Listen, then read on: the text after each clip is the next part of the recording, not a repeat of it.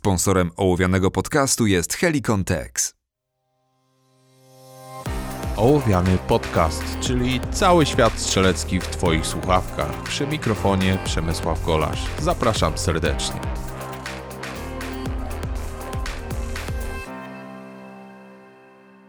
Cześć, witajcie w 49. odcinku Ołowianego. Odcinku po dość długiej przerwie, najdłuższej chyba od momentu, kiedy Ołowiany rozpoczął nadawanie. I chciałem Wam powiedzieć, skąd to się wzięło. Przede wszystkim dziękuję za wszystkie Wasze wiadomości, za wszystkie te informacje, że słuchacie i chcecie dalej słuchać Ołowianego. E, podcast oczywiście nie znika, natomiast e, sytuacja, która miała miejsce, wyszła z przyczyn, że tak powiem, służbowych. Po prostu nie zawsze i nie wszędzie mam możliwość nagrywania podcastu.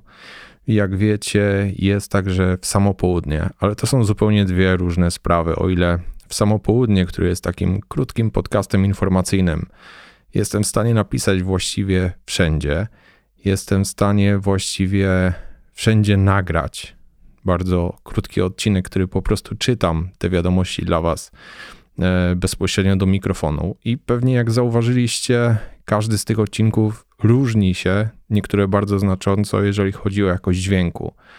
Właśnie ze względu na to, że jest nagrywany w najróżniejszych i najdziwniejszych lokalizacjach, gdzie tylko znajdę moment, żeby odcinek kolejny był, tam go nagrywam. Natomiast nie ma możliwości zrobić dokładnie tego samego z ołowianem. Tutaj trzeba usiąść, tutaj trzeba na spokojnie z wami porozmawiać, przedstawić to, co mam do powiedzenia z głowy. Tutaj nie mam żadnego scenariusza przygotowanego, a chcę Wam przekazać konkretną wiedzę i dlatego wolałem zrobić tą trochę dłuższą przerwę, natomiast wolałem w ten sposób niż nagrywać odcinki, które byłyby takimi odcinkami na sztukę i, że tak powiem, niczego nie niosły i spadłoby jakość podcastu.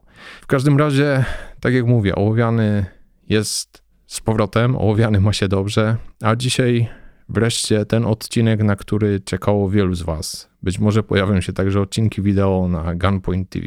Mianowicie pierwszy odcinek dotyczący strzelania z broni długiej. Nigdy nie byłem ekspertem, jeżeli chodzi o broń długą i nigdy za takiego nie chciałem uchodzić, ponieważ jest to, że tak powiem, poboczne moje działanie. Radzę sobie z karabinkiem, potrafię z niego strzelać, natomiast nie jest to mój konik. Zawsze moim konikiem był pistolet. Natomiast myślę, że to będzie podwójnie fajne, ponieważ powiem Wam, jak wygląda podejście do karabinka od strony strzelania pistoletowego, bo często mówi się zupełnie odwrotnie. Mówi się o karabinku jako o bazie i do tego dodaje się pistolet.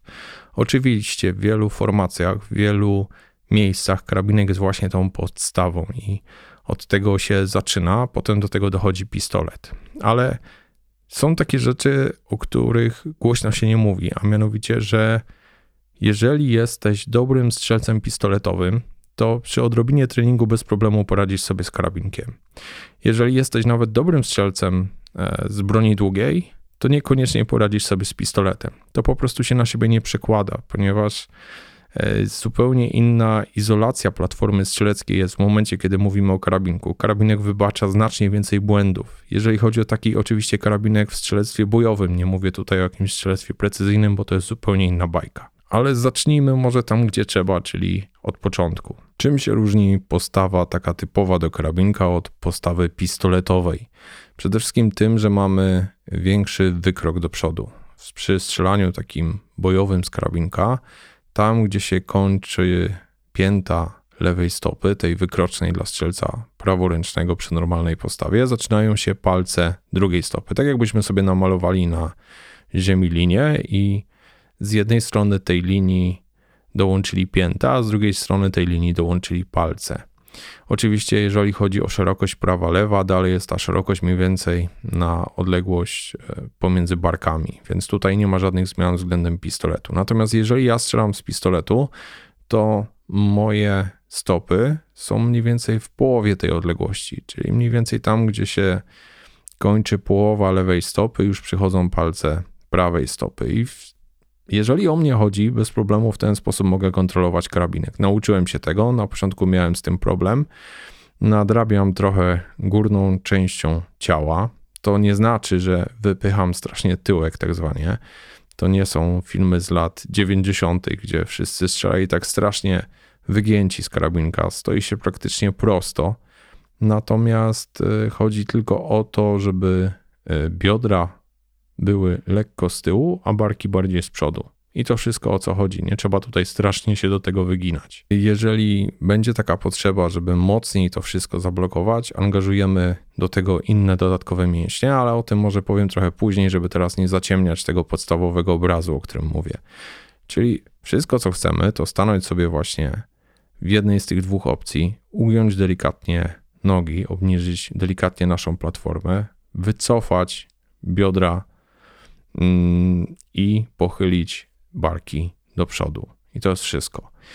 Jeżeli teraz mówimy o dalszej części tej postawy, oczywiście przy karabinku mamy znacznie większą masę, którą musimy kontrolować, więc i nasza wytrzymałość obręczy barkowej musi być znacznie większa niż w wypadku pistoletu. To jest kilkokrotnie większy ciężar. Szczególnie jeżeli mamy karabinek oprzyrządowany, czyli nie mamy tylko e, czystego łoża, ale mamy na tym łożu jeszcze na przykład e, założoną latarkę, mamy puszkę z laserami, to wszystko sprawia, że ten karabinek zaczyna nam lecieć naprzód i ta lewa ręka, która trzyma cały przód, wykonuje coraz to większą pracę. Oczywiście możemy sobie odchudzić łoże, etc., etc. Natomiast w takiej czystej postaci po prostu potrzeba troszkę więcej siły do tego. Już nie mówię o jakichś podczepianych granatnikach i innych tego typu historiach. Natomiast bardzo ważny jest kontakt karabinka z naszym ciałem, czyli w tym tak zwanym dołku strzeleckim. Po pierwsze, jeżeli mówimy tutaj o rodzinie AR i jeżeli mówimy o bufferze, który znajduje się w kolbie, to nie chcemy, aby ta siła, która jest kierowana do buffera, była ponad naszym ramieniem. Jeżeli to przechodzi ponad naszym ciałem, to ten odrzut jest kierowany w ten sposób, że nie mamy pełnej kontroli nad bronią. Chcemy, aby to wszystko szło w nasze ciało.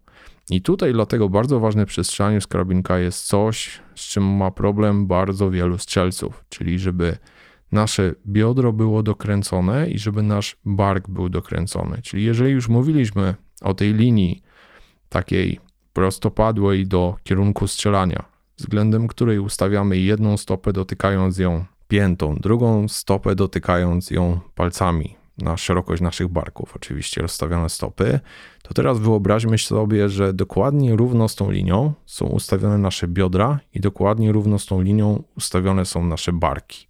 Natomiast to, co widzę na strzelnicach, to albo jest biodro odkręcone, albo są barki. Bark ten, który strzelamy, odkręcony jest po prostu do tyłu.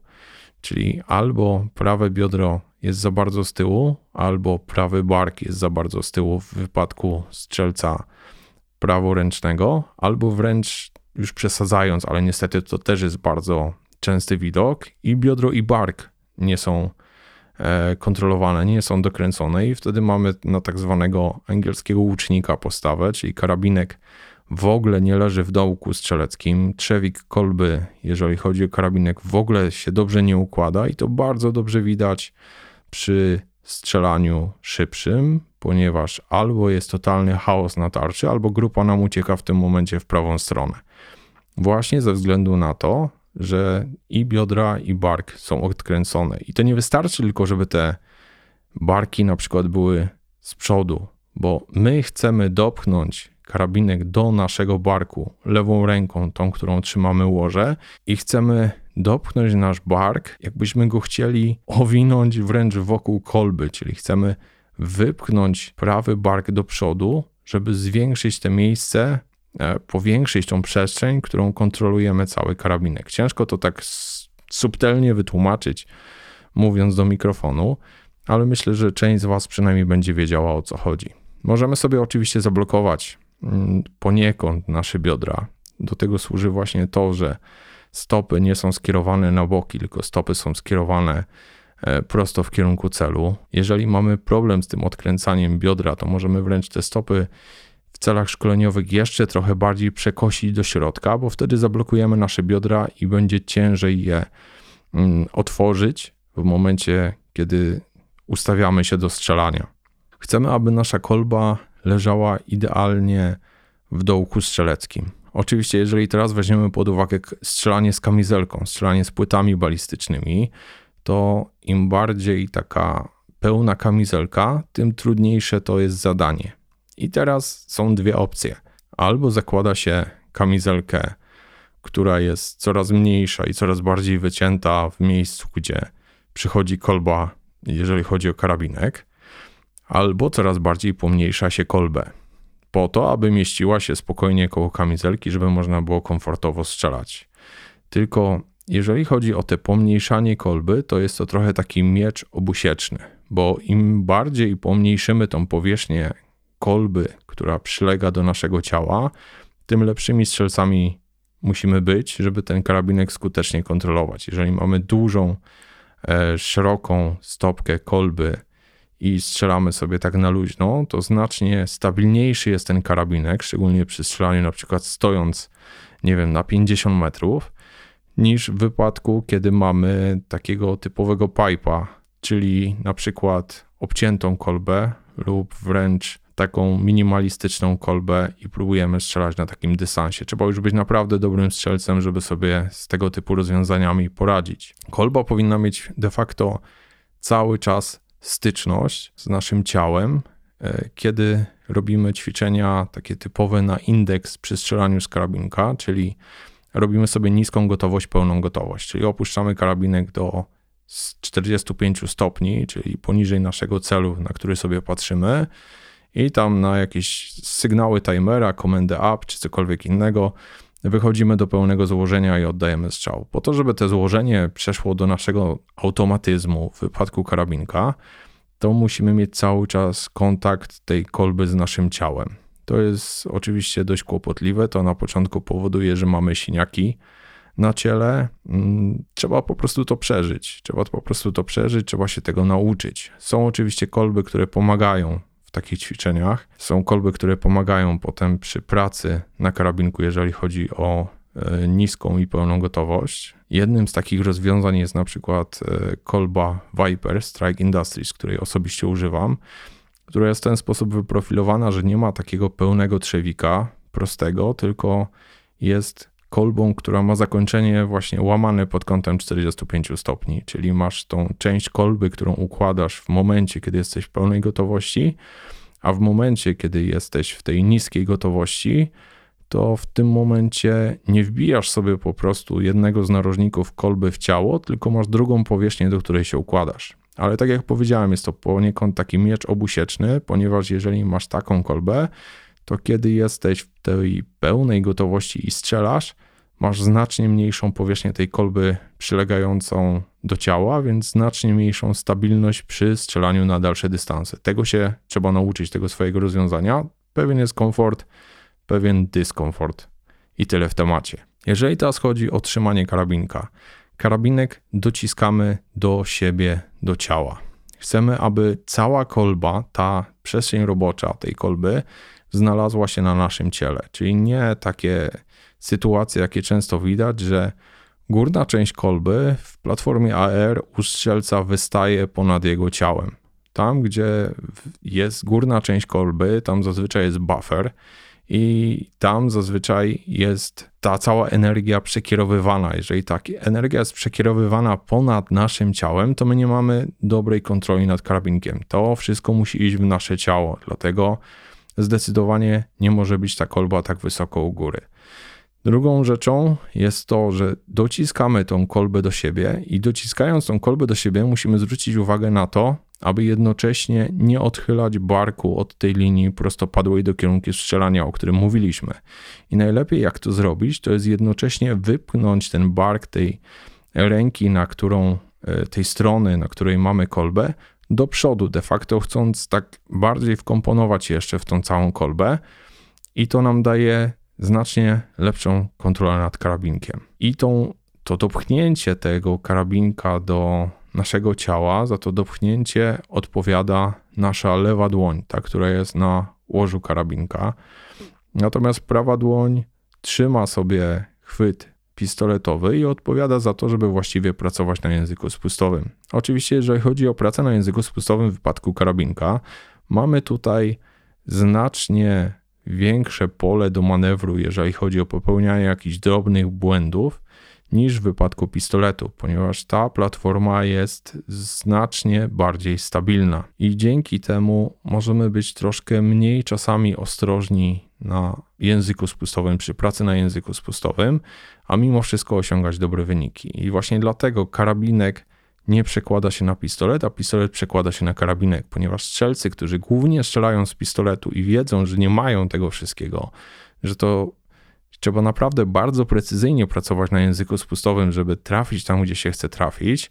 W momencie, kiedy e, strzelają z karabinka, mają znacznie łatwiej. Natomiast strzelcy karabinkowi, którzy bardzo często są nieświadomi tego, że mają niewłaściwą technikę pracy na języku spustowym, przysłowiowo klepią spust i przechodzą na pistolet, to nagle się okazuje, że nie mamy tej całej dodatkowej kontroli, którą daje karabinek, nie mamy tych wszystkich punktów przyłożenia, które stabilizują broń. I jeżeli tak samo chaotycznie zaczniemy pracować na języku spustowym, to strzały układają się wszędzie, tylko nie w naszym celu, a przynajmniej nie w jego środku czy strefie zakładanej, w którą chcemy trafić.